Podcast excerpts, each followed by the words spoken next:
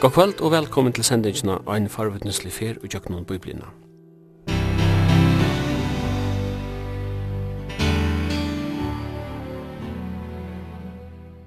Henda sending er at høyre lindene kvart mykje kvöld klokka 19 og det er enda sendt frutja det 17. part klokka 15.30. Og i studion er Simon Absalonsen, Jekvann Zakariasen og teknikar er Tor Arne Samuelsen og videre kvöld kom vi fram til brev Judasar. Judasar brevet er til søgnaste av brøven og i Nødja Testament, men korsten er neivan til engsta av til at brevet helst er skriva nøgur år undan øyen Jerusalems og i åren halv fjers.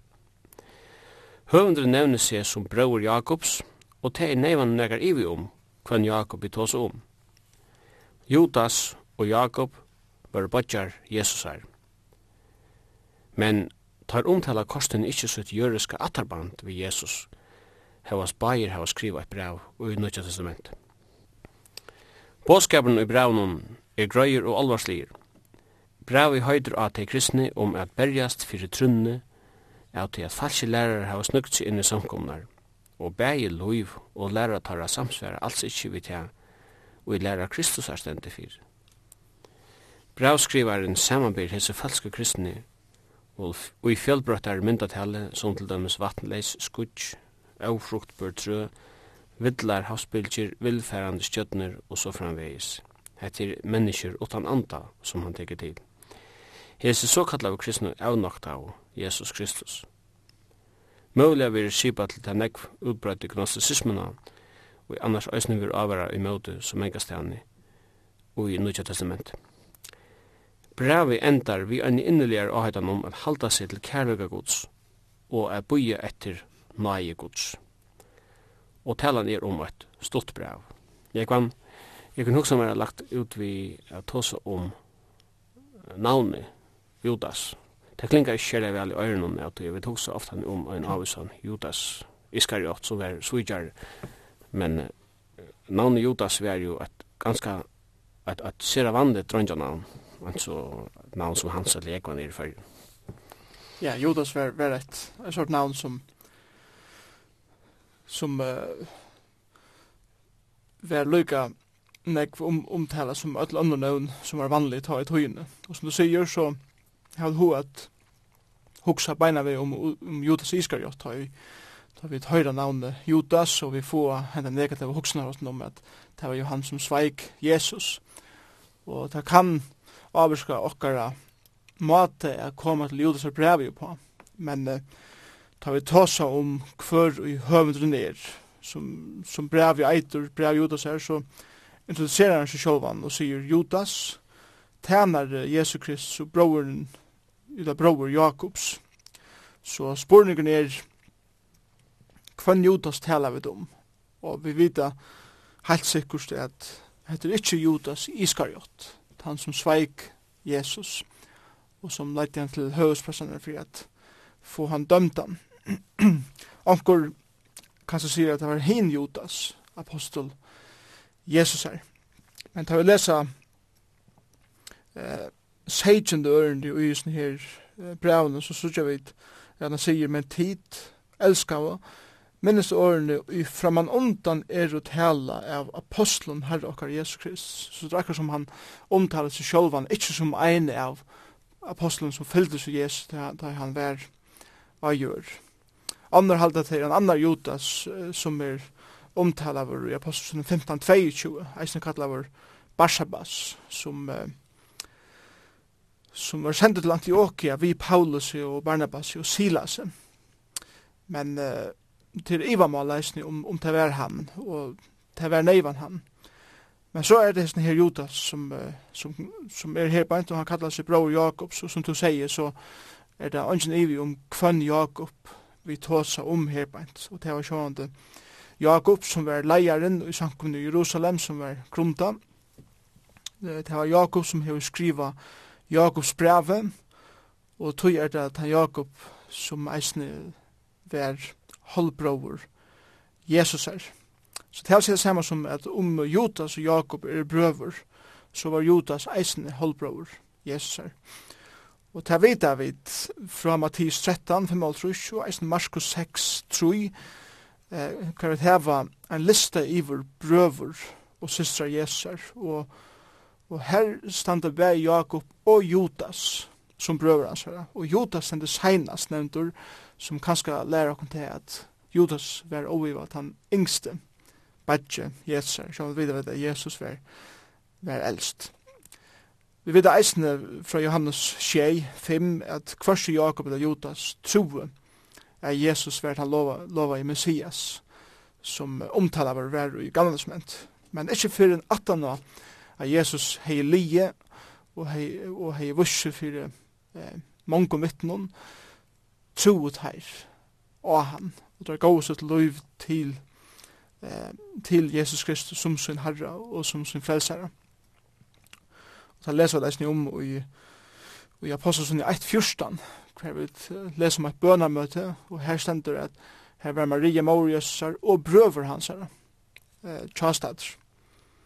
Og eit som er avverst, eisen da Judas og Jakob kalla seg tænare Jesu Krist, så, så kunde det godt haft sagt ui, ui ingengen, ja, vi er, eller er Judas, er bror Jesar, som om at han vil hava større myndleika til at han var bror Jesar.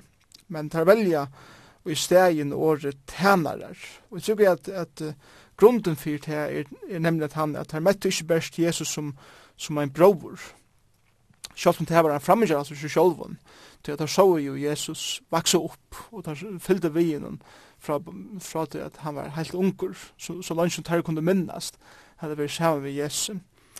Men nu ikke der at identifisera seg ved Jesus heldur som tar frelsare, som tar nu yngste, at bruka alt sitt liv til at, at tjena. Han som der fyrir høyde avnakt å spotta, han høyde nu eh, ivergivet alt sitt, sitt liv til. Og tøy eh, introducerer Judas, så sjålvan i fyrsta vers, og sier Judas, tænar Jesu Krist og bror, og bror Jakobs. Til seg at ha Judas og Jakob vokse opp, så var Jesus faktisk større på sin kjallam. Men det ser ut som en slektsbåndene til det teler ikke i en antallig sammenheng. Nei, det, det er pur alt, som du sier her tar man tossar om uh, om familjebanden hugsa om uh, om ta, ta fysiska familjen som vi hava.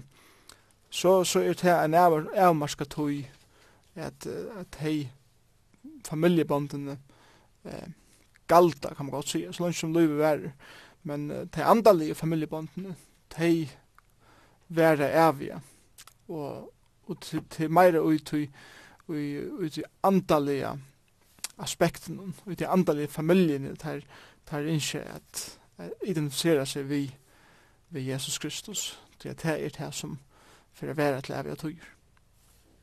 Og henne hver kristen, altså endefødder, vi trykker Jesus, er kommet inn i et slektsforhold vi god i jøkken til nødvendig føringene. Det er jo det som teler.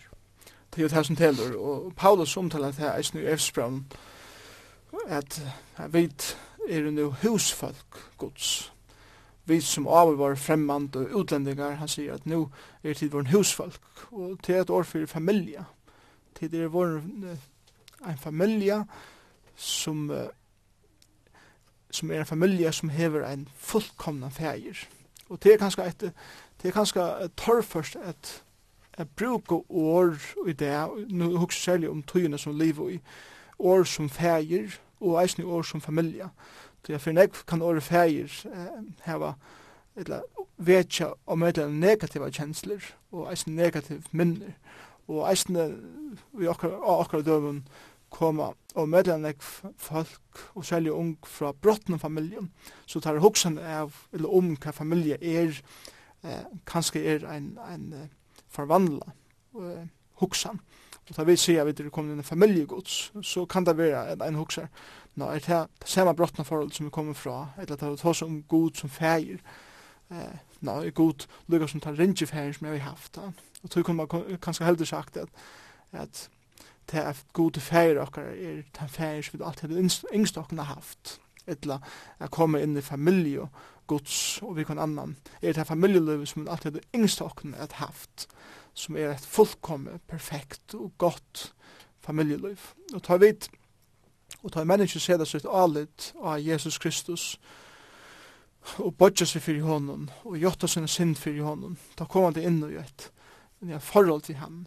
kan det være født av nutjon det får nytt liv det færa ur myskron inn i ljøse fra deianen her hugsi om den evige deian som først einas av menneskje gonger motor inn i det evige livet som Jesus Kristus bjóar ein og kvarjon som, som kjem til han og ta koma vi inn i dette familjeforholdet eh, vi god sjolvan, men eisne vi kvann annan eh, som tryggvande folk som har sett seg av Jesus Kristus. Og tog er det at, at vi leser om i Bibelen hver vi kalla hver annan brøver og systrar, sjálft om vi ikke er eh, født i okkara, okkara fysiske, eller i okkara fysiske føying, som brøver og systrar, så er det vi er født av nødjan inn i samme familie, og det er familie gods, så er vi i gods familie, er vi brøver og systrar, og det er nekka helt fantastiska djupt og i tøy. Du nevnte husfølt gods, det sender eisen samborgarar hinna heilav, og samarvingar kristusar, det er øyla størst, samarvingar. Ja, det er ønsken i om det, og, og det, det sier bare, til alt her rujudømme som vi få av nøye gods, tar vi seg dere allit og her er Jesus Kristus. Og her er hokser sjåvandi ikkje om eh, materiellt rujudømme, husker ikkje om til eh, materialismena som kanskje okra eio mengan eh, lunges etter, men her husker om alt til evige rujudømme som vi få og i Kristus, er vi få eh, et evigt liv, er vi få eh, han titlen var kallaver kongasonur, eller var kallaver prestur, eller var kallaver eh, et, et badengods, at, at arva allt det som, som Gud har skapt, at arva himmelen, at kunna vera vid Gud og i alla æver, at, at få heile andan som innsikle lykka til vertisen heim til himmels, at, at heile andan god sjálfur hefur ikke boost i mer, at jeg finner et nytt hjerte, et nytt sinne, et nytt vilja, at jeg finner glede, og jeg finner fri, og jeg finner frelsene, jeg finner nøy, jeg finner kærleika, jeg er rettviser i for gode, og han ombrøyder meg kvante.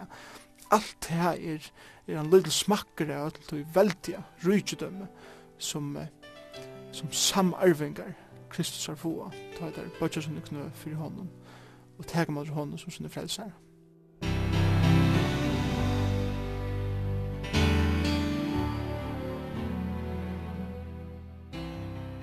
Hvis vi får hitje etter målbalken og Judasbrevene, så, så, så er det som som mener til at uh, brevet er skrivet til uh, jødakristen. Men uh, dette kan vel leses som et allmänt brev. Ja, uh, han sier i, i første ørende at uh, brevet er skrivet til, uh, og så siterer han, hine kattlave, som elskar, eller som er elskar og i gode feir, og verveit Jesus Kristus. Nå, det var nok så vanligt eh, at han døven at et brev kunne eh, godt cirkulera i middelen nekvar imiskar samkommer. Og, og det er vel mulig at dette brev er slukt brev. Tog at eh, trobeleggene som vi sutja ui, ui hesen brevnen og judesen brevnen, eh, eikjento alla samkomnar kusher i Lutla asjen og her og leir at heim døvun som trobeleikar. Og vi søtja eisne at høvendren eller Judas kjente til trobeleikarnar som hans lesar eh, høttu tjat heim som han skriva i til. Og Judas sier til lielærer som langt nu heva snuksien ui ui tar imus samkommunar og, og tøy teker Judas tøy til at, at avværa i motor slukun uh, godleisen og falskun menneskjen. Det som er avhåverst korsene vi uh, hesson braun er til at det sipar og medlemmer nekv til gamla testament eh, personer og hendingar og i gamla og det kan være en avbending i motor at uh, kanska ver største parstrene av timer som finner dette brevet, det vil si samme som leser eh, jötar, det kan være. Og jötan høyde sjående en grunnleggende kunnleika om gamlesmentet som en tryggvande hetningur, ikkje hei, tog han var jo ikkje oppvoksen ut, han var, han var oppvoksen i, i greskare filosofi og mytologi, og kjente kanskje til løyte til hva gamle som tåsa jo om. Men, men korsene så, så trygg vi at da han sier til hine kattlavo, så sier han til öll som hava sett sitt det herre Jesus Kristus, eh, og i imens og kanske kanska elige jötar, men eisne heitningar. Og hetta brev er skriva sjåvande, som öll hine brøvene, öll hine bøkene i till til öll hine kattlavo, til alla tøyer, og öll støven, og det er eisen sen saman som hetta brevet jeg skriva til føringar som liva i 21. öld.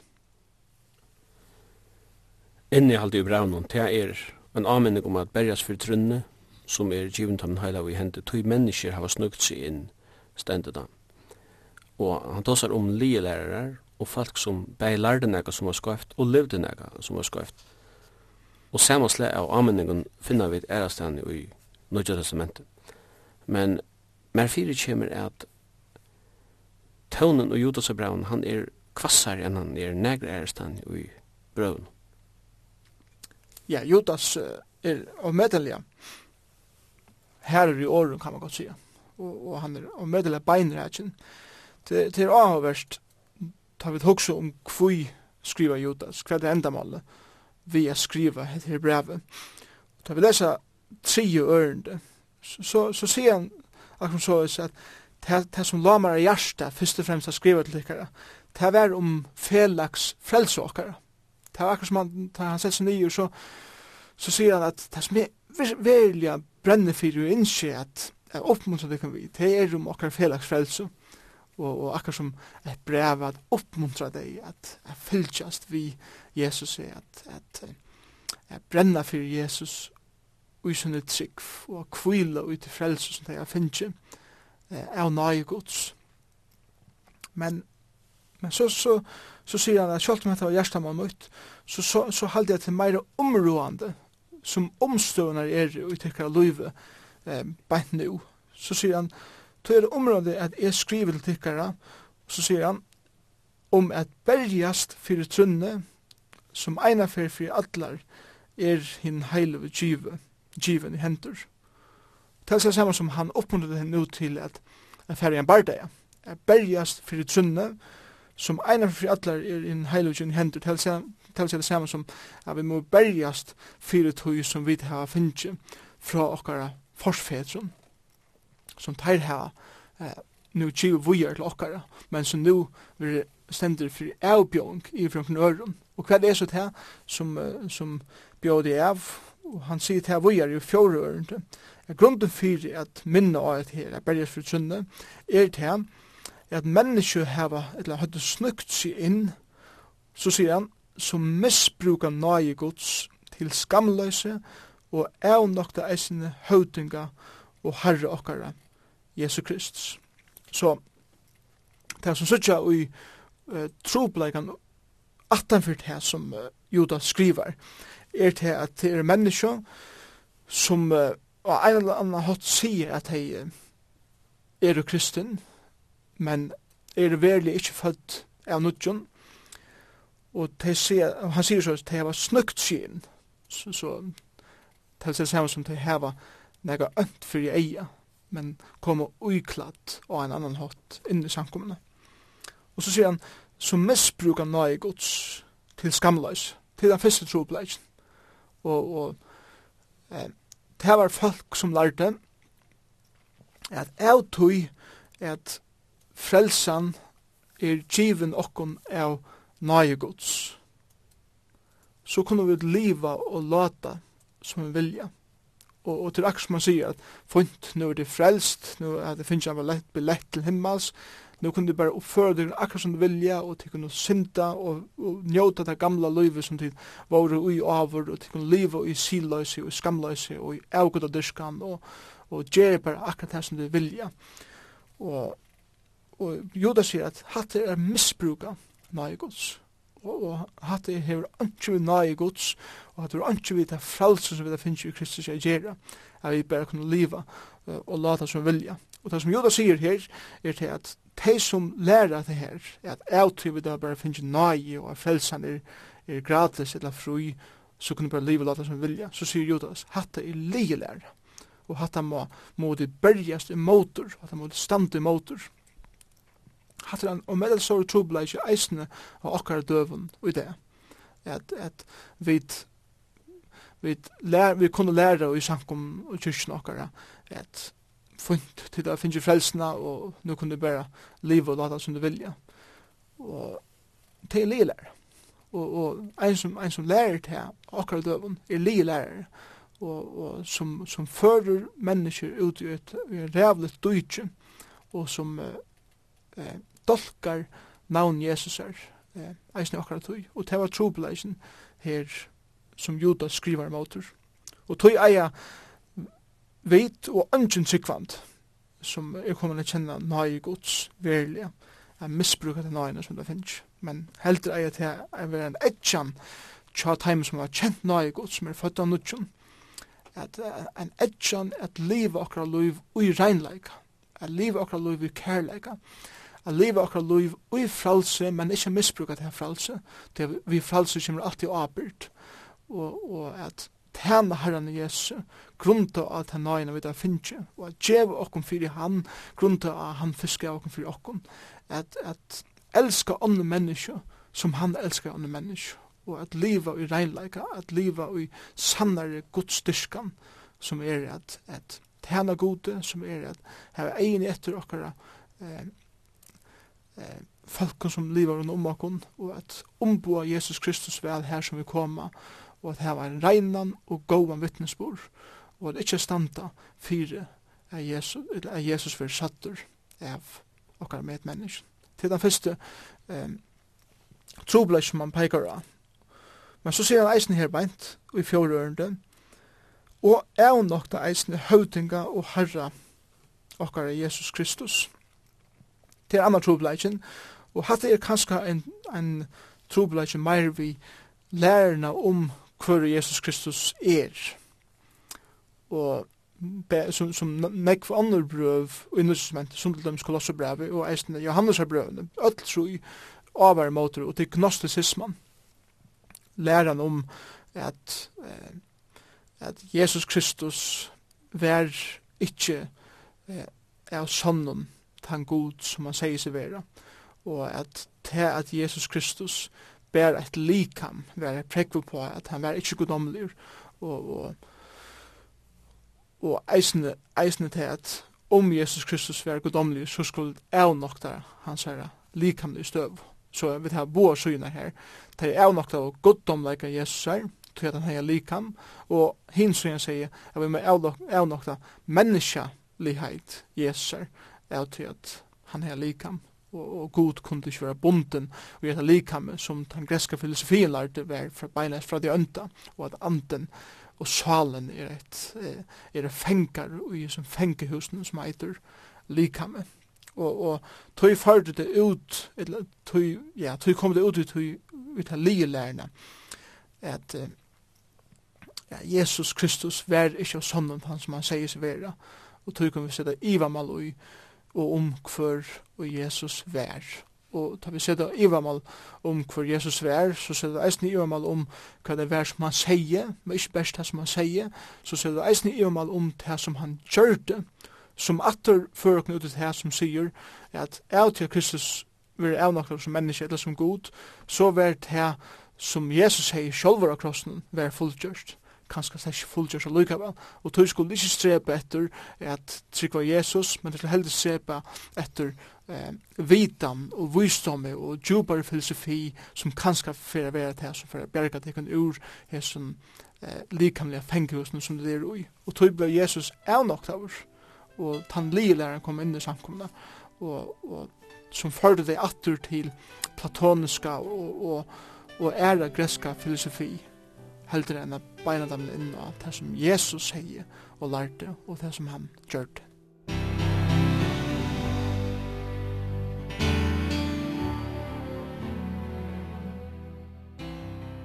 Ta han tossar i fjóra vers om at eivnokta høvding og herre okkar Jesus Kristus, så hugsi jo om at det er jo kanskje nekka matar at nokta Jesus på.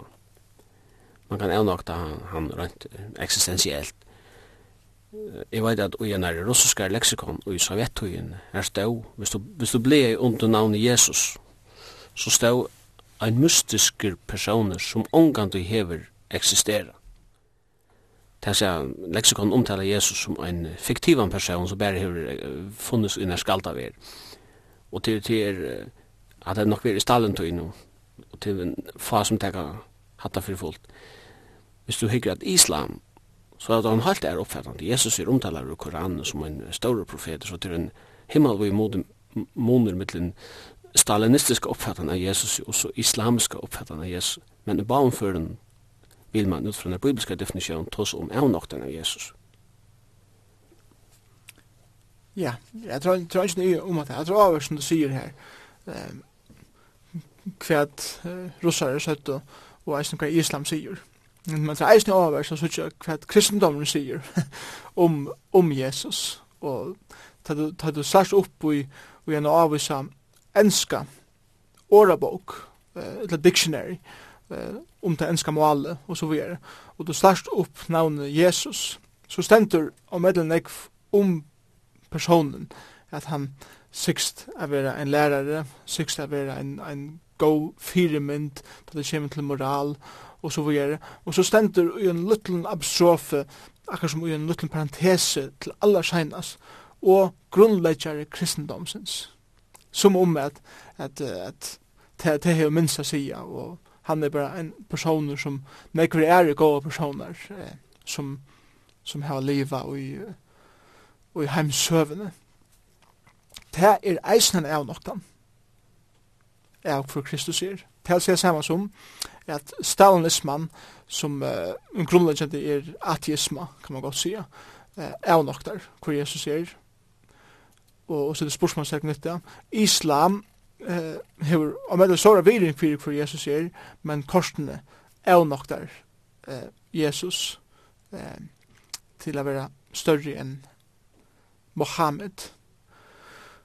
Men sjálv kristendommen er nok der hvor Jesus Kristus er. Nå her, og her husker vi om navngivnan kristendom, eh, som, eh, som best er en kultureller, navngiven, eh, menneskjalligur kristendommer som tyverre i Europa og Vesterheimen hele tidsje, og i det enn ekva går senere. Og det er nok en bibelskan kristendom, det er samme som det er nok der, hva det er som Jesus verilig sier hva det var som Jesus velja gjør det, og hva det var som Jesus velja sier om seg sjølvan, hver og han er, og hvordan det her kommer å avvirka okkar avgjør, eh, for hva vi halda om hver Jesus er og hva han gjør det. Og ein spurning som, som er kommet fram i vitsjande Judas her, breven, det er hver er er så godleis og mennesker som har snukt seg inn og som er nokta, Jesus Kristus som Herre, og så videre. Um, så godleise, opprunnelig året som er brukt om godleis, er uh, asebais, som omtaler en som noktar at ivergjeva seg til god, til året som er brukt. Så bokstavlig omsetting er uh, hette folk, og sen for godleis så kunne vi sagt, som noktar at ivergjeva seg til god. Her var snukt inn og i samkomnar. Vi gjør noen, det er mennesker som er nok der eh, god, om ikke allment, så kurser gypst og hjertan. Det er det som man sier bare til. Så ein spurning som, som Judas brevet eh, djevur bibelæren det, og som eisen vil nekve omrøtt mittel bibelærer, er, er hinn godleise ein som sier seg være en tryggvande, men kanskje omgande verlig er det, eller er han kanskje en tryggvande, som er vidjen av lei og som, og som er nok der. Og jeg, jeg tykker at, at han sier bare her til sjolver, en som sier seg være tryggvande, men omgande verlig er, er fødder av nudgen, og hever givet sitt liv, og jeg givet sitt liv til Herren Jesus Kristus. Det kan godt være at han er bare døptur, og og i samkommende, det kan godt være han eisen lovteker allment og i imenskom som ganger fyrir seg og i samkommende. Men uh, det som ein sier, at, at to, to være lykka lydig en kristen vi ganger møte til kyrkje som du være en burger vi er færa av Burger King og, og det er ganger møte og det er at kjolt at eller det er så døypa eller at uh, lovteker allment eller at uh, lesa bibelen eller hva det sier ta gjer det ikke et godsbaten. Ta ene som kan gjer det godsbaten er at budgeten er knø for Herren Jesus Kristus, og du og du gjør den synd for hon, og du ivergiver ditt liv til han, og du takkar hon for det fullkomne frelseverket, og du bjør hon inn ditt liv. Til er som maten at jeg gjør sabbaten godse på. Og så gjerne kommer alt hit, som ørstlid av, av, av å være godsbaten. Men til møvlet at, at, at, at lovtaket allment, og så vi gjør med omgang du eh, ivergjøvelse til Jesus Kristus. Og etter en tøy så venter man Jesu bætje, ta i, ser det kanskje ta i mågångt kjemur. Og heser er nok det goddomlige natur og Kristus her, eisen det fullgjørte verset av krossen, opprestene og eisen er fundamentaler lærer som fyllde vi tog, og kanskje sier at det er moralske eh, lovene som skriften gav til at jeg leser av disse brevene. Eisen er Ironside, sier såleis at uh, her har vi et menneske som sier seg være bjerget fra synd, men sannleggen er at de er bunden til synd, og i lønden fører de andre menneske til undergang. En annan høvendur sier eisen så, han heter MacDonald, han sier at uh, omtalen er ikke om en tryggvande som er frafattelen, men kanskje heldur om ein som omgande av sonnen hever givet sitt liv til Kristus. Han har omgande tørv a kjenne veien til frelse, og han hever herst hjertas ut og i djupa seg hjertasøgnen heter Jesus Kristus, son Guds. Så dette kan være menn og kvinner som kanskje eh, var i samkommende, som er kommet inn i samkommende. Det kan være eisne at de er oppvoksne i samkommende. Det, det, det vet jeg vel ikke. Men eh, det som en sier, at Billy Graham sier det selv, eh, god å ikke appabød. det er, man vil ikke en sikkerne bare til mamma min eller pappa min, hatt fisk man Jesu, det må være en personlig avgjør. Men ta i alt som til alt, så er nok det Kristus, og det er føra, og innskje føra andre, eisen i samme undergang, som det i sjolv genga måter.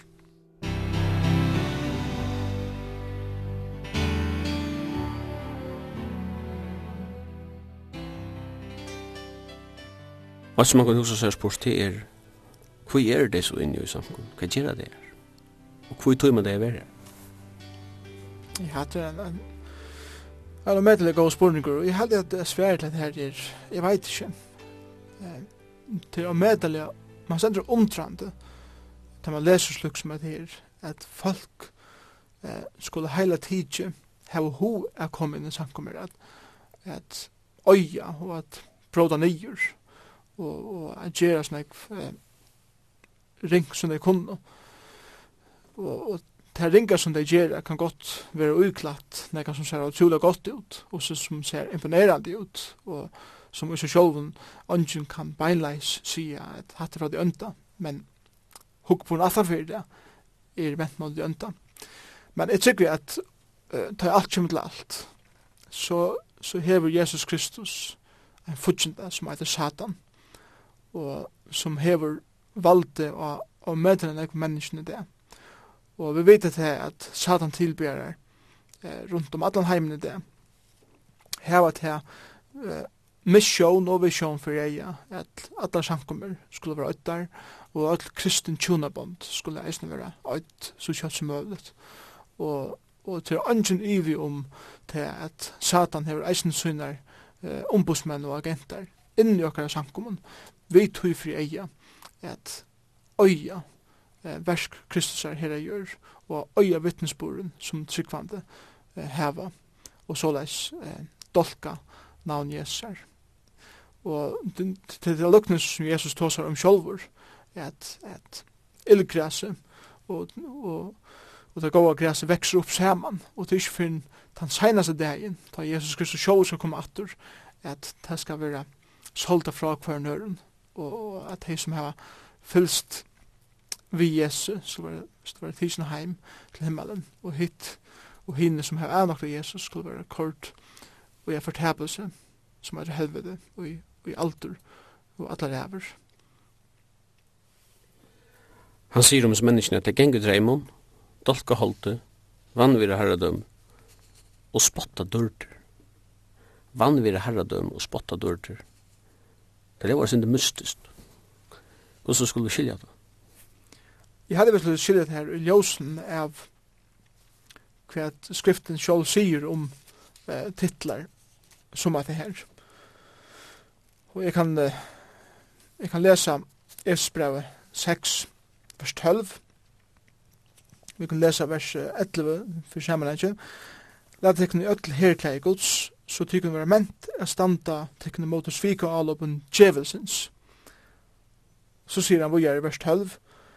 Tog ikke okkur sender bardein, ikkje vi blå og hold, men vi tiknunar og veltene og harrar heimsins og hese myrskri og anda her ønskabarens og himmarrunen.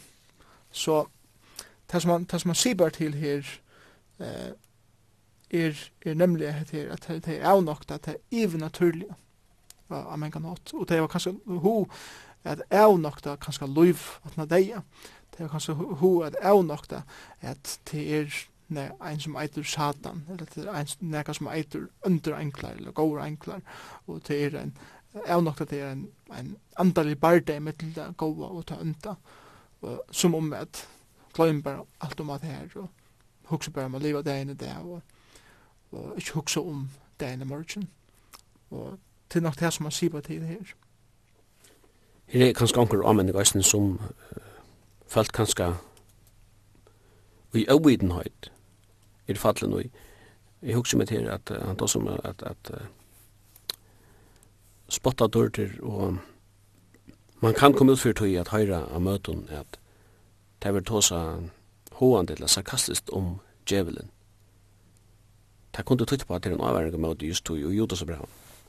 Ja, jeg, jeg hadde det her på rett som du sier her det er ofta folk som ui en gåare meining, kanskje fra en talarsal, et eller annet vittnesborer, et eller annet samtala i middelen folk, som en gåare meining, um, lærer nekka skreift, og, og det kommer skreift fram, kan man godt sija, fra tæra munne, til at de hugsa ikke veldig om det som de, de sier, og, og at han nok kunne være vid til at, avnokta og spotta dorter, og som du sier, de kunne ta seg sarkastisk om eh, om en anda, om, om djevelen sjálvan, og, og ofta man høyrer det bægi i, i sangon og korun, kanskje særlig nudjar korun som vi synsja i sankomne det.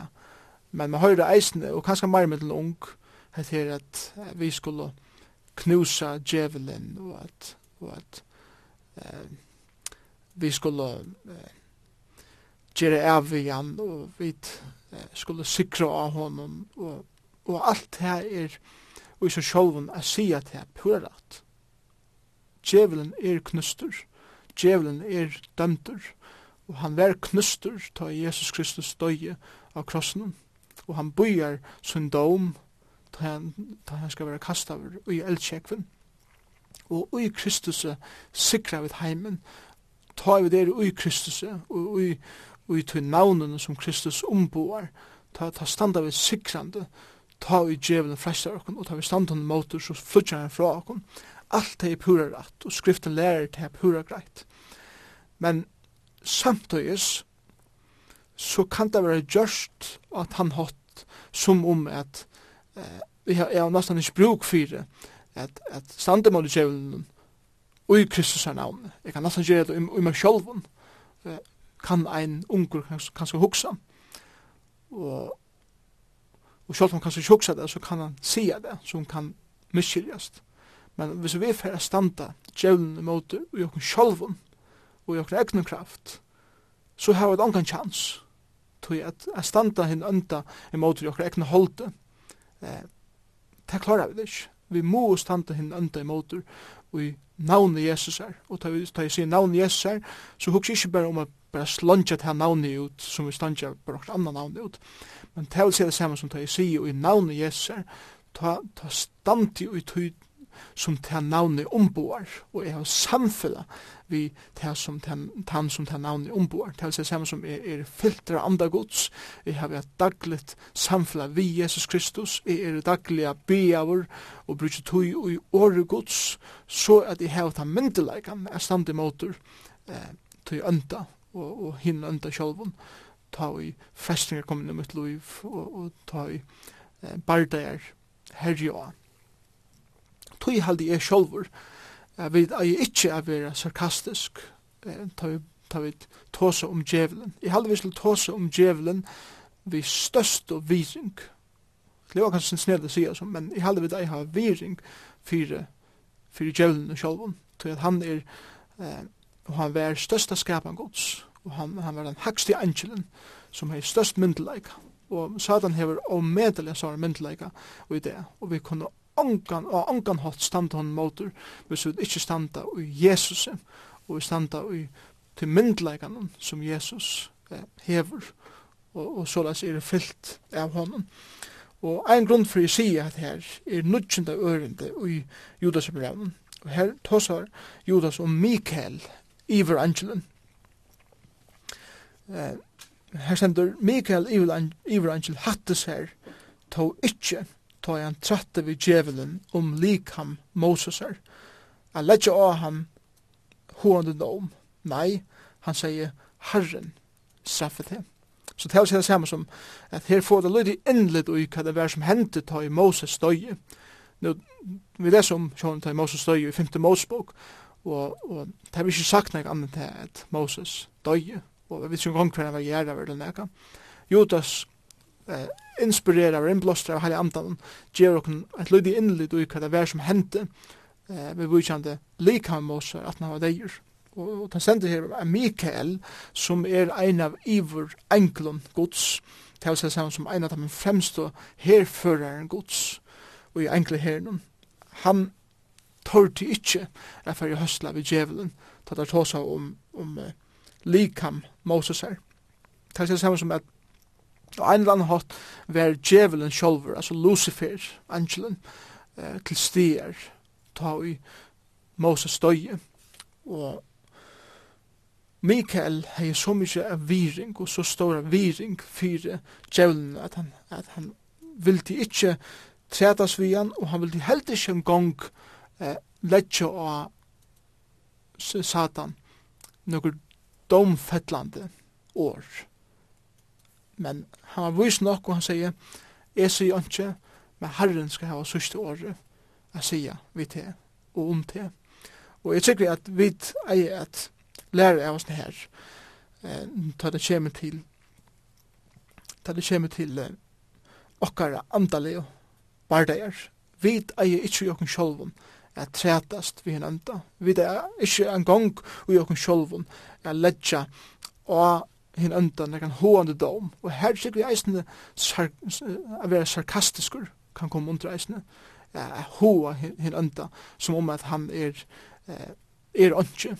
Og sjående han er ønske, han, han, hever, han hever tapt, men han lukka han er medelig myndleika. Og vi da jeg sier at Herren skal være han som teker seg av til enda. Han er han som er sørste året å sige. Og vi vet eisen fra åpenberingene at det er Jesus Kristus som er sørste året å sige, og at Satan og alt det som er fyllt i hånden skulle ein det være kasta i i eldsjepen. Han er dømter, han, han, han, han hever tapt, men sjolv, sjolver domeren skal være utdønter vid det store kvita hasete, ta i god sjolver skal døma. Satan og i alle hever. Det vil si, jeg kan ta vi tås om viring fyrir gode og viring fyrir djevlnum, vi tås om imisk slu av viring. Hvis jeg skiljer det rett, så kan det sammenlåknes vi at vi har viring fyrir, hva skal man si, en stjøtneløyere som er viring verder, men det er også viring fyrir en er kobraslang. Ja, at det er en fin, fin menneske du brukar her av tøy at vi kan godt teka det eisen en sindu nærre til okkara. vi dei hava viring fyrir okkara sjekve her i Norr Atlantsjavn. Vi dei hava viring fyrir eh, til veldige måtten i vinden som vi hava her i fyrjun. Eh, jeg er ikke fyrir til utdrekvar en, en en dag hver jeg veit at seimeren er, er øylig og så, og vinteren ganger opp mot seimeren og bare færa vi med en løtla bati ut, midt ut i det, og, og onga viring her for eh, vekkeren sånt la leikar ui, eh, vi først her tjaken, tog at det, er det enda av meg, og, og til det slæg viring som vi da eier heva eh, for, for henne enda, eh, at vi eier at kjenna hva måttan hever, og og vi eier ikke fer og okra egnu kraft, eller okra luttla båte, men det er slukt så fer vi ut vel brinja i, ut ut her vekkre som vi fer. Og, og tog er til en store måneder, og, og i med slø av viring som vi eier heva, det kommer til god, og eisen at det kommer til hinanda.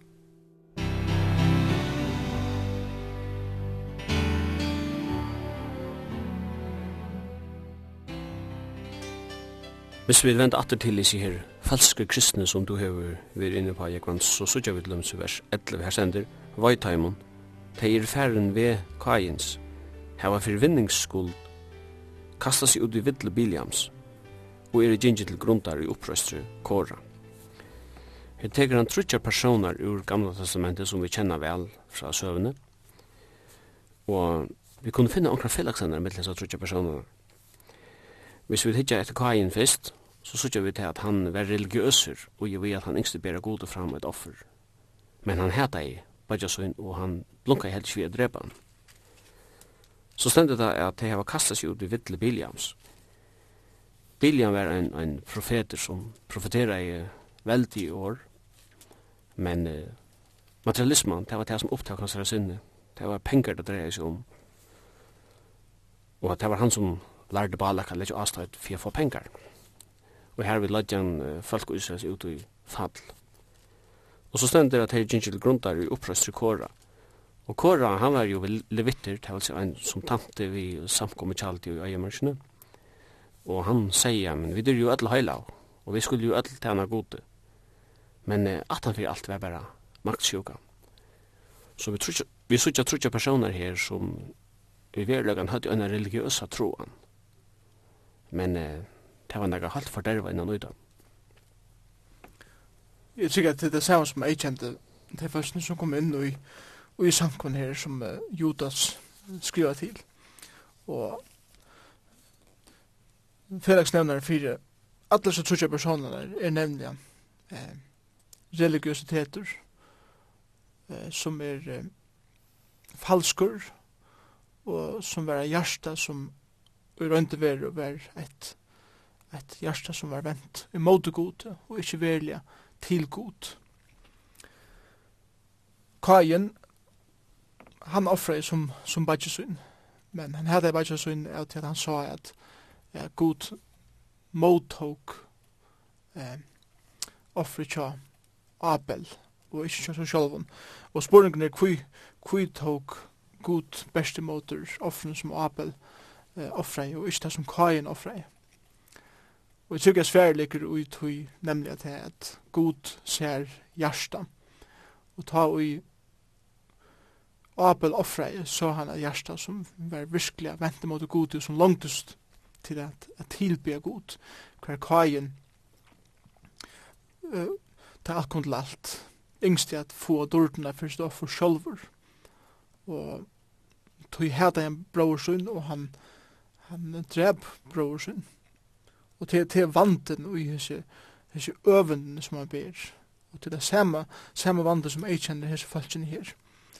Og, og til det samme i Biliam, som du, som du sier, så har han stor år, og han kallar vår profeter, men det som la innast var en langsel etter øndun og åren og vinningen som Bibelen eisen talar mot, at vi er ikke at troa etter ljóton vinningi, men at tæna herren med fusen hjersta.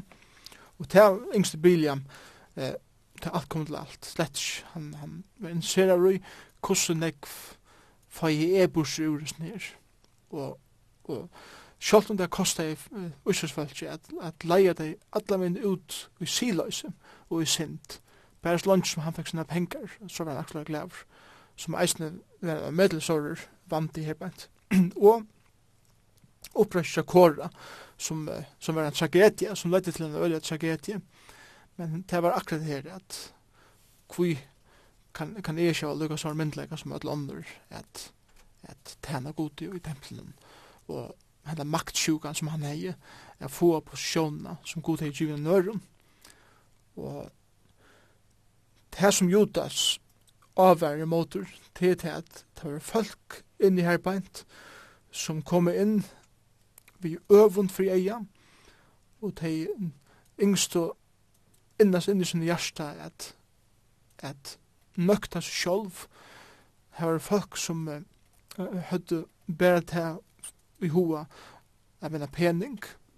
Og det kan sipa til at det var falskir ferande lærare og talarar som kommer til samkomne.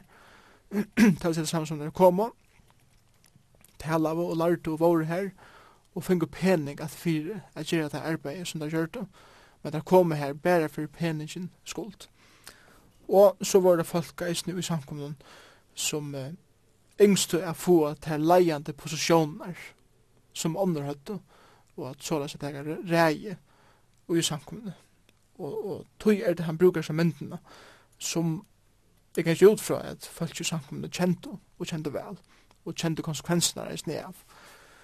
Og, og tog hevet han mynte som han brukar her, haft han av tryggvi en og møter det store avvurskan av det som låste til at ta vi lesa til det og om vi ikke kjenner Kajen eller Biliam eller Kora så, så hevet det snakk avvurskan av hon og vi, vi skiljer ikke myntene som han brukar og tog er det området jeg vet heva en, en grunnleggende kunnleika om gamla testament, personer og hendingar og i gamla testament for at vi er mestja slagkraften og uthus som han, som han er sigur. Han brukar mynda myndatalene ur gamla testamentet som vi var inne på her, men han fortsetter vi å bruka mynda ur naturen. Så sier han, hese mennesken er skjerende ved kærlagsmålte i tikkaren. At skjer er jo nega som er under i uflatene. Du sast ikkje skjer, ikkje venn, du har rent data, og skjein er henter. Så opp det at du skjer, Og han sier vi er at uh, det er vattenleis skudj. Og her halde vi kom atter til til mentan og til omkvar som Bibelen er skriv i. Da vi føringar skudj og skudj så oppfatta vi det som nega negativt. Vi er gleir da vi hitje upp og ikke skudj skudj. Men uh, utan med London her, her Bibelen er skriv om, vi er skriv i så, så var alltid mangel på regn, og det var altså nega godt att suttje og skudj. Men det er så da visste seg skudj var vattenløs, så var det negativt. Og det måtte også være nega visen her, at det var mennesker som, nå, det er så ikke ut som skudj, altså det her var nega av vært i us her, skilt at han hatt, at forfruskning, men så visste seg her var så ikke. Ja, Judas dår av medel vel å bruke eh, mynter eisen fra omkvarven som man, som man sjåver kommer fra. Og han har kanskje lært her fra Jesu. Det er Jesu, for vi har jo masteren uitui. Og som han sier, så brukar han myndene av av skjeren her bein som, som ikke ser, men som ligger her lurer likevel, og at du renner av deg, så, så, så er det som man sier, i, i hausnei, og, og to, to uh, søkker, og han han sibar til at det or kærleik smoltir tykkar til onkur som heldig kanskje til sibar til til brevbrødene og, og til at det kommer saman om til minnene som Jesus sjálfur sier at minnest med vi breie og vi, vi kærleikene og at hei hese falskene våre til ter måltøyene som våre verlige måltøyer ta men vi tog fri eie at, at volda skia fyrir til til tryggvand og at volda astøyt og, og sujane av alt dem undergeng. Og det er eisne noe som det sier. Eh, tar vi tidligere til skudgen, så, så har vi ho og hoksa negativt. Men de gleddust ta det så skudj, tog at ta i torskur vær, så betydde det til at de mangla og grøy, Og som at sier, som at sier til at vi tar ikke med til bøttene i sjakken. Og tog langt seg etter at sutja, vet å komme fra himmelen. Og jeg har lyst ångstene at ta i regntøy narskaist, var nekvar imiskar høgtøy hildnar, fyrir jeg feire at nu kjemur, nu fyrir grøyen at jeg veksa. Og ikke var så skuffande som ta et så anker skutja av himmelen, men ikke var utøy. Og mynda som man brukar her er kanskje folk som sier ut til å hava gau og fin og flott og år, men det er alt som er alt, så er ønske myndleik, og det er ønske ui som det sier, og det er lova negv, men kom ikke ved nøkron, at du som de, eh, som, som de lova.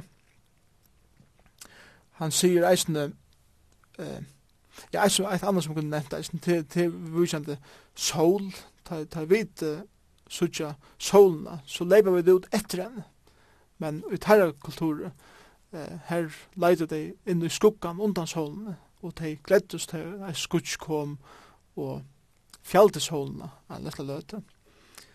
Og så, så igjen bruker han en ære mynd til bænt.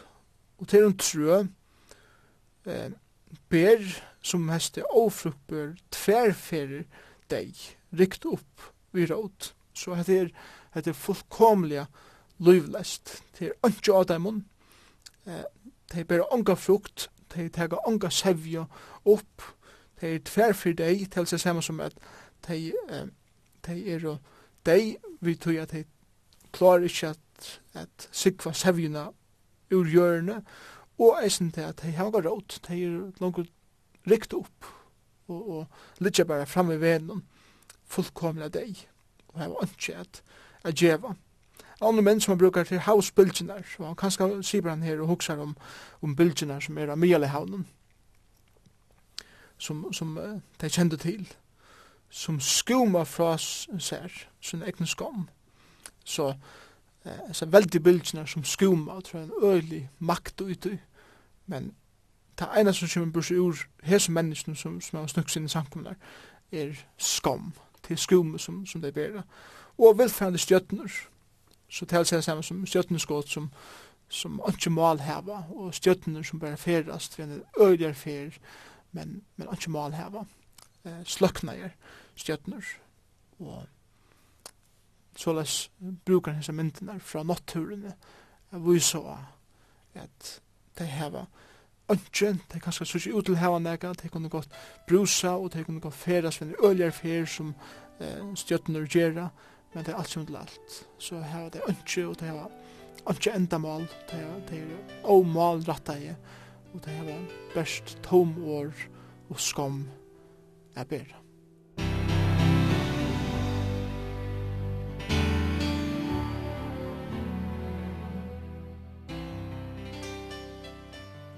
Bådskapen og Jodasabran han minner ikkje sørt om 17. Petersbrev. Hvordan skulle vi byta Jodasabrev opp?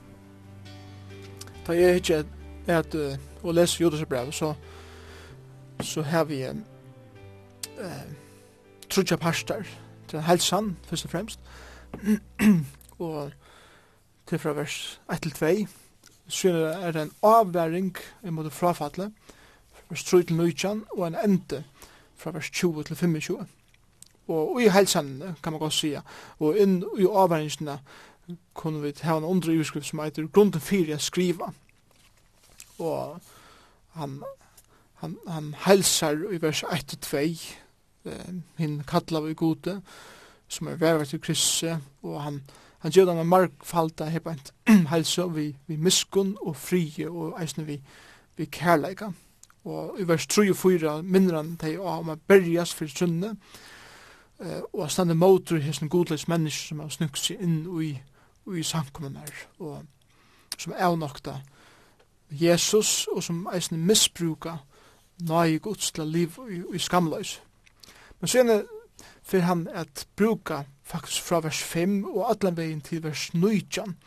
Eh, han vil bruka tøyene på at jeg vise okkur eikjenne tar er godløs som, som han avverger imot frafallet.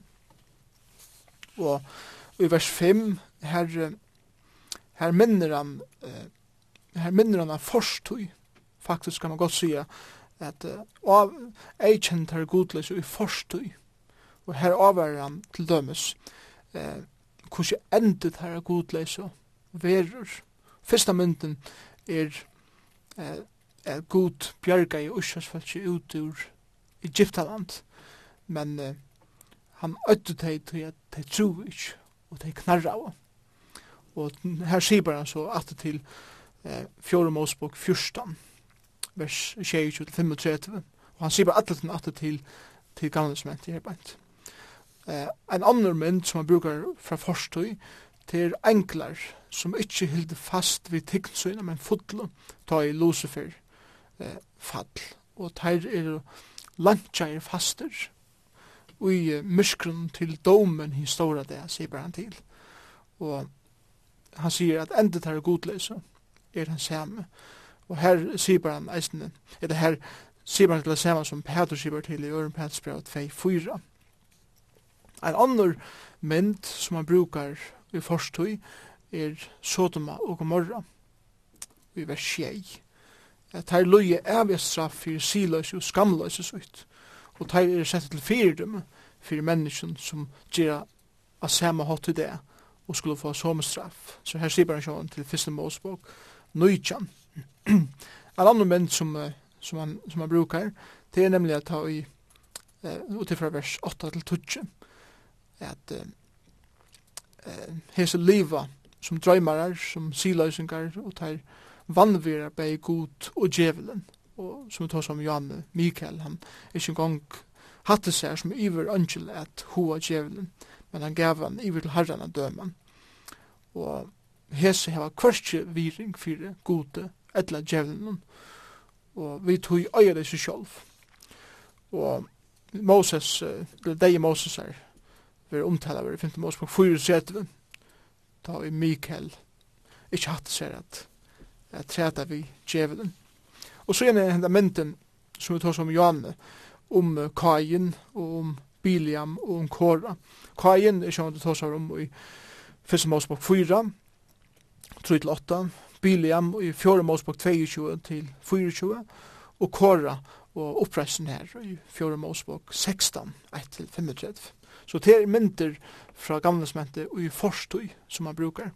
Men så er det eisne mynter og i, i nutøy, og til vers 12-13, hva vi tåsa om eisne til, at han brukar imenska mynter fra naturene, for å vise av hvordan skamleis og virusleis til, til godleis og er og endet herre verur nye og nått. Men så brukar han eisne mynter som sier til fremtøyene, for at vise av hver det godløse er og uh, avvara i motor eh, frafall. Og her, her sier han til dem at uh, godløs knarra og gremja og tala hukma vi år, men vera ikke tann at jeg lever et sin egne eh, listen og, og de, de smikra for at få vinning på seg urtøy. Og her sier han til en profeti tja Enoch, som var eh, eisne sjående er mever som levde i gamle testamentet, som vi leser sjående om i femte Mosebok, eller i første Mosebok, femte kapitlet. Og at jeg nok profeterer jeg for enden tja slukon Guds avnoktaren verur, at Herren kjemur etter heil og synen, men han kjemur eisne at halde dom iver eh, til godleise og til oratvis. Og her sier han sjående til framtøyna, hver domur bujar, her framme ta Jesus Kristus for å komme atter som domare heimsens. Og til så fra vers 14 til 16. Og så i vers 16 til 19 eh, sier han atter til apostelsene 20 og eisne annan pelsbra 2 hver han tar seg om apostlar Jesus som fra man ondan høyde avværa omspottare og skulle komme inn og gjøre eller genge til godløse og holdslige listan Så, Så heter avværing. avværing som vi har er, men enden av braunen, det er for, for det første en, en verja i motor til min godleisa, og her opp, eller han etjar og oppbygger og oppmuntrer til min tryggvande at jeg standa først i trunnen, jeg standa først i, i heilige andan, medan det bøy etter av Kristus, for å komme at, at rattleia de som er ferdig lei, at frelse ånder og miskunne øren, og at, at livet vi eh, vi, vi troen at henne gode. Og til næst avverst, vi, vi sutja i vers 3 og 4 og eisen 20 til 23, akkur som shape bo som, som Judas djever. Han sier, han, han djever bo her bant om a berges for trunni i vers 3. Han, han minner, han minner deg av år apostlana i vers 16. Han, han minner deg av og gjør dem bo om at vi er oppbygd ut herra heilast og trygg, vers 20. Han sier bi i herre andan, eisen vers 20. Han sier halde deg ui kærdaga gods, i vers 21. Han sier bi etter nage Jesus Krist til evet loiv, vers 21. Og så sier han, tale til rettest deg som ivast, i vers 22. Røyv i ånder ut ur elden, og så gjerne, i vers 23, og miskunne øren. Det er ikke som skjei, eh, båshatter som man, som man gjever her bænt. Og så gjerne vers 24-25 er faktisk en lovsanker at eh, herran og Jesus som skal leia syne fram en og ålastande og i glede, sier han tilhører dorden, hateknen, og, og dikten og måtteren i forstøy og nutøy og eisen i framtøy. Så såleis vil jeg oppbytt dette her brevet. Men jeg halde likla verset, og i sin brevnen er 3b og 4a, hva han sier. Jeg sa med nøytan jeg skriver til ikkara, vi amenig om er berjas for trunne, som eina for fri atlar er og hinn heileve given i hendur. Og så gjør han grunden for å skrive han tog noen godløs mennesker har snukt seg inn i samkommunen. Da er råbares mennesker for uh, naturlige mennesker, som ikkje hava andan. Er det sånn at han ender for at det andan han tar om? Ja, han tasar her om om mennesker som som er usen fortapt og støv og som mennesker har finnje her er andan som mennesker er enderfødt.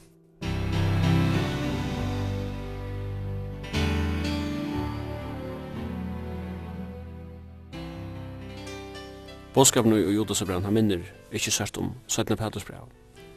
Hvordan skulle vi byta Jodasabran vi opp?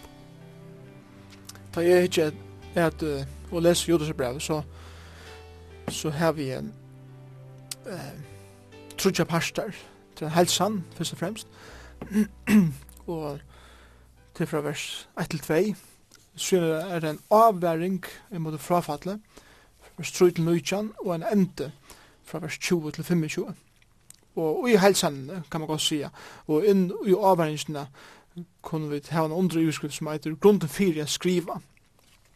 Og han, han, han helsar i vers 1 og 2, eh, hinn kallar vi gode, som er vervet til krysse, og han, han gjør det med markfalda hebant helse, vi, vi miskunn og frie, og eisne vi, vi kærleika. Og i vers 3 og 4 minner han til å ha med berjas for sunne, eh, og at stande motor hesten godleis mennesker som har snukt seg inn i, i samkommunar og som er nokta Jesus og som eisen misbruka nøye gods til liv i, i skamløys.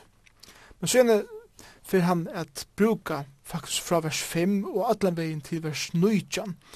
Eh, han vil bruka tøyene på at at vise okken ei kjenne tæra godleis som, som han avverger mot frafallet. Og i vers 5, her, her minner han, eh, her minner han av forstøy. Faktisk kan man godt sige, at uh, av eikjent her godløs i forstøy.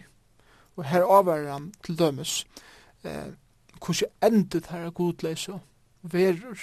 Fyrsta mynden er eh, er god bjerga i Ursasfeltje ut ur Egyptaland, men eh, han öttu hei til at hei tru ikk og de knarra av.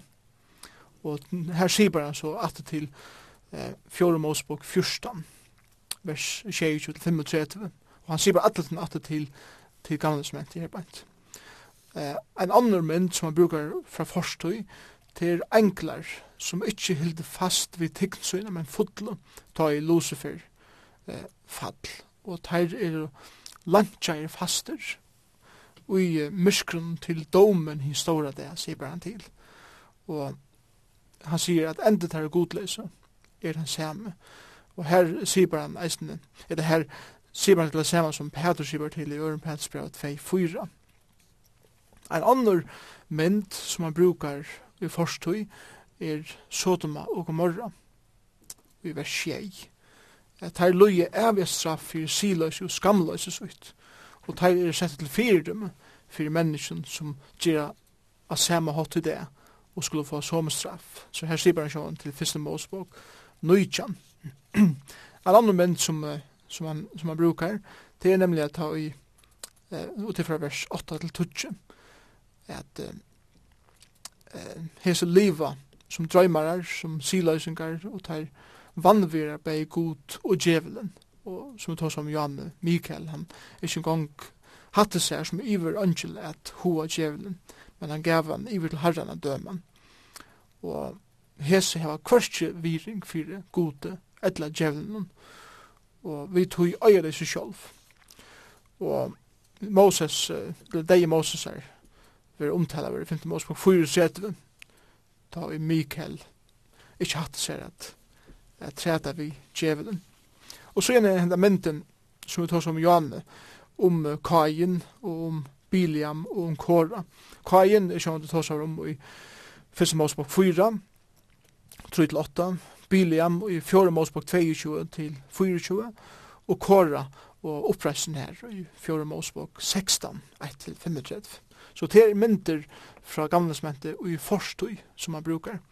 Men så er det eisne mynter i, i nutøy, og til vers 12-13, hva vi tåsa om eisen til, at han brukar imenska myndir fra naturene, for å vise av hvordan skamleis og virusleis til, til godleis og er og endet herre verur nye og nått. Men så brukar han eisne myndir som sier til framtøyna, for å vise av hver det godleis er og uh, avværa motor eh, frafall. Og her, her sier han til dem at godleis knarra og gremja og tala hukma vi år men vera ikkje tann at dei liva et sin egnu eh, listen og, og dei te smigra for at få vinning på seg. Og her sier han til en profeti tja enok som var eh, eisen sjående er mever som levde i gamlesmentet, som vi leser sjående om i 5. Mosebok, eller i 1. Mosebok, 5. kapitlet.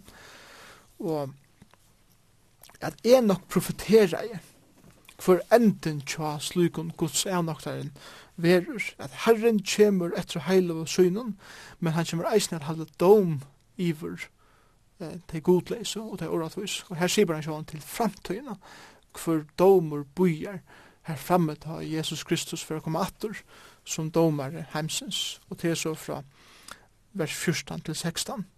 Og så inne vers 16 til 19, eh, sier han atter til apostelsunna 20 og eisne annar Pelsbra 2 hver han tåsar om apostlar Jesus som framan undan høyde avværa omspottarar og skulle komme inn og gjera eller genga til godløse og holdslige liston søgnum. Så heter avværing som vi hever, men enden av braunen til for, for det første en, en verja i motortem godløse og her opp eller han etjar og oppbygger og oppmuntrar til han tryggvande at jeg standa først i trunnen, jeg standa først i, i heilige andan, medan det bøy etter av Kristus for å komme at, at rattleia de som er færa lei, at frelse ånder og miskunne øren, og at, at liva vi, eh, vi, vi troen at tjena gode.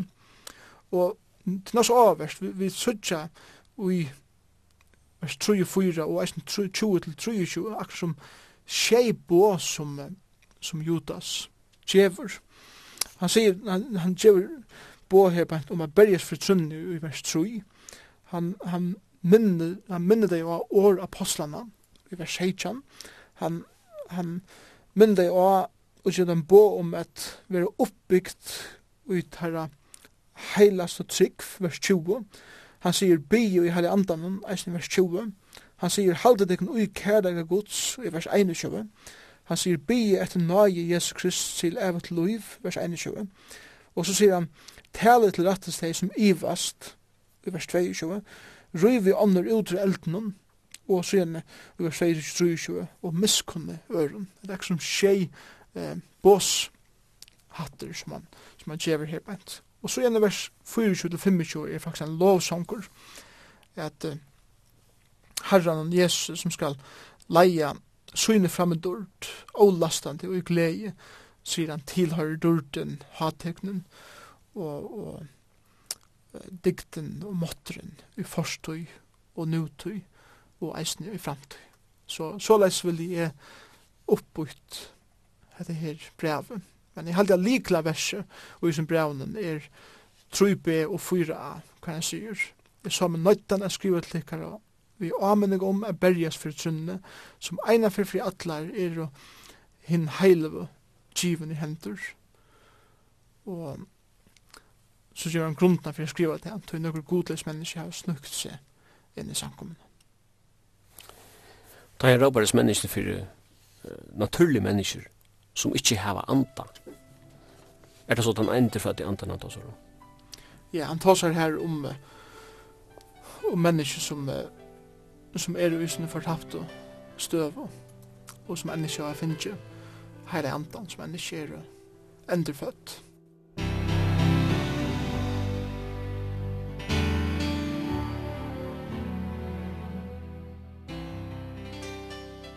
Jeg kan søgnes i braun, da han er livet vi er vidger at de, hva skal man si, at de falske kristne, så venter han seg til de, ekta i, og kjem vi noen anmenning om til, og som ender nå halsen i braun.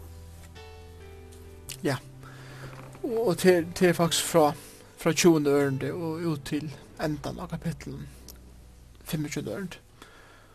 Men tid elskar vi oppbygget tikkum, og i heilavs trygg tikkara, bygge og i heilig andan og halde deg så leis ui kære gods men det boi etter nøye herre akkar Jesus Krist til evet loiv tale som til rattes til det ivast frelsi ånder vi ruvet hei ut ur elden og oppa røren skulle til miskunna vi øtta så det hette enn ta hin av holden dolke er kyrstil honom som mentir er vervet tikkun fra fatle og leda tikkun stuja framfyr dursøyna og lastandi ui glei honom hinn einasta gode frelsar okkara vi Jesu Kristi, herre okkara tilhör dörd, hatig, styrstju måttur, framman undan, atlar tui, nu og ui atlar efer.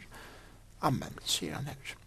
Og jeg tykker at det som Judas brukar sørste versen oppa er, er nu han å ta seg om endamal vi skriva, og eisne hva det er som ei kjenner til godleisa og hvordan det er i seg selv er en, en avværing i måte frafattelen.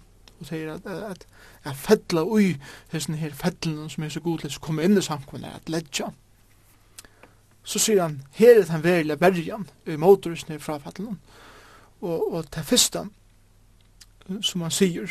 Og jeg sier at, at hesa meira kanskje Judas ligger her for sine lesere, er eisne meira for alle lesere, til seg sammen som eisne for okkon og i det at nægra regler som vi kunne læra fra Judas brevet til þess at standa og verja okkon i motor frafall. Og det fyrsta er minnest år apostlan. Og det sier bara til løysundre åren og i, i seikjendørnd apostlar Jesu Krist minnest hva vær som teir søttu og det som teir, teir lærte, til at teir læra var jo grunnt av det som Jesus sjolvor sier og lærte. Det er å samme som om vi skulle være for å standa i motor frafallet, og verja okken motor frafallet, så må vi først og fremst kjenne skriftene. Vi må kjenne biblene. Og vi må kvante jeg sette tøy av til å være ui året gods, til å bruke tøy og at lese i Bibelen, at grunta av at det som Bibelen sier, at granska det, og at, og at be herran om at han vil hjelpe oss å skilja det og bruka det som sender skriva i årene. Det som Paulus sier, at skriften er innblåst av gode, og hon er nyttelig av alle områdene og i, i løyvene. Så so, Så det er det første. Det er minnast årapostlene til er, men det er bruker tøy i skriften kvann det. Til at det er okkara, okkara velleier. Så sier han eisene, halde tikkun til Kristus ui heileia andan. Så her, her minner, minner Judas som leser og hver teg her eier har egen vent. Ikke egne venta seg sjolv, ikke egne venta sine leiarar, ikke egne venta trobeleikanar, men egne vent av Kristus sjolvan og ongan annan. Og, og sjåan dyr hendan meira eisne fri okkun vi det som han sier, vi det er all Guds bøden, er boja etter nøye herre okkar Jesus Krist til, til evet liv.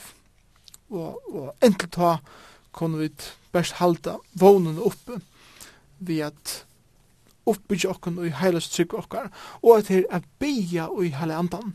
Det er samme som at okkar bønarløyv må først og fremst eh, vera salva og størst av heile andan sjálf.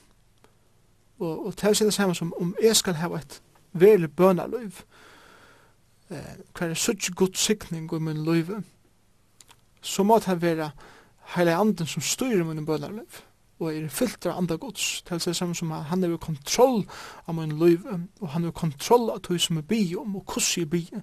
Og, og at han er han som fører fram for for Asjon herrans og, og hva hender har vi bi her i så leis er halda okkur nu kærlega gods. Og det er det vi løyva kærlega gods at, at flota vi tjøkken okkur ut til andre mennesk. Hvordan vil det her gjørst? Det sier han for det første. Vi eier vise øren menneskjen til Kristus. Så avvøkseren av å være avhaldande i skriften, av å være avhaldande i bøn, av å være avhaldande i fellesskapet vi herrens folk, og, og at det var en brennende eh, troen etter gode, det er at vi byrja at vise øre menneskene av Kristus, det er at vi byrja lota Kristus vi menneskjum. Og han sier eh, til dømes her i 22. ørende, tale som til rattes tog teg ivast, og vi er frelse i ånder, vi er ryva til under elden, og oppfatter øren skulle de miskunna, vi øtta, så det enda heta hit holden og dolkaja plagg, eller hin dolkaja kyrstil. Og jeg at atrum til høvespresslige bøn Jesus er hebent, da han bygge for synen, eh, som, han, som han sendte ut i heimen. Og han har sendt hei vujar ut, ut, ut i heimen. Og, og hugsa eisen til boina som Jesus gav i Mattias 8, er ferdig ut og kjer i alt folk hans lærer sannar. Og, og til okkara oppgave er ferdig ut av kunnkjera evangeliet. Og, og at tala til rattet som, som ivast, at hjelpa dem som ivast om, om trunna, og at vela deg a frelsa ånden vi å rive det ur elden. Og her, frelsan her til, til, til året bjarga, altså folk som er fotlende sint, tæs det, rive det ut ur elden, og, og vise dem av veien til slå slogenka. Og øren må det vise miskunn vi øtta, så det heta versen som det gjer, men elsk menneskene, men heta sintene som det lever i. Og så gjerne sier han, kvile ui måtte gods, fyrsidørende, Hånden som mentor er vervet til fra fatle, og lade den støya fram for dursyna og lastande i glede. Og det som han, det som han sier her, er det at, at kvile i trunne som du heva, kvile i frelsene som, som du heva finnje, evige, ikkje ivas i frelsene, Så det er et, det som, et av tog som fer okkon eh, måttleis som godsbøten, til det vi byrjat ivast om min frelsa heldur et litt.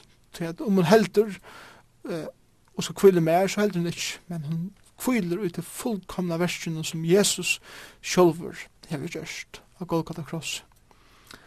Og så, og så enda her vi at lovsynsja og tilby Herren, hånden hinn eneste gode frelsar okkar, vi Jesu Kristi, Herre okkar tilhører dørden, og hatøknen og styrkjen og måtteren og i alle ræver.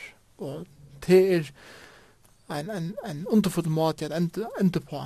til at selv om vi er i ødelse trobeleikene, og selv om alle disse ligelærerne kommer inn som innskjer at øye og som innskjer at, at før folk er lei, så kunne vi kvila, og vi kunne halda okken til året, vi kunne fytla seg og være stort av heilig andan, vi kunne lota Kristus vi menneskjon, vi kan kvila ut i frelsene som vi har finnst av nøye gods, som etter okken at til at livet okker liv til ære fyrir ham, og vi kan sutja fram i motor til deg, da vi skulle bodja okker knø fyrir honom i allar hever. Og det kunne vi gjere her og nu, vi fyrir fyrsta at vende okken til Herren Jesus Kristus og bjå honom inn i okker liv, og, og og han kommer inn og han rensar okkara synder, lyga mykje kvarju vi der, lyga mykje kvarju vi det er hver vi det har gjørst. Han elskar okkon, og han innskjer at koma ned samfla vi okkon. Og såleis kunne vi lære at njóta okkara innelige samfla vi han herra gjør,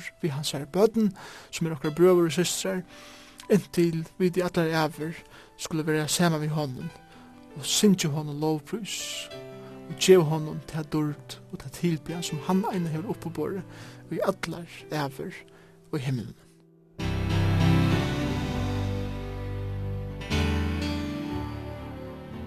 Og vi er så kommet fram til endan av sendingen om Judas brev i kvöld.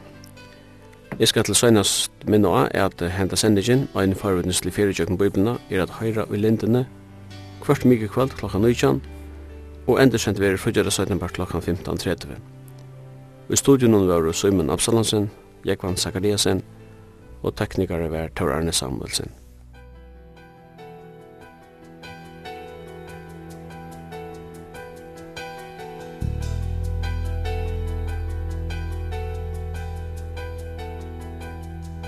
When he rolls up his sleeves, he ain't just putting on the Ritz. There is thunder in his footsteps and lightning in his fist.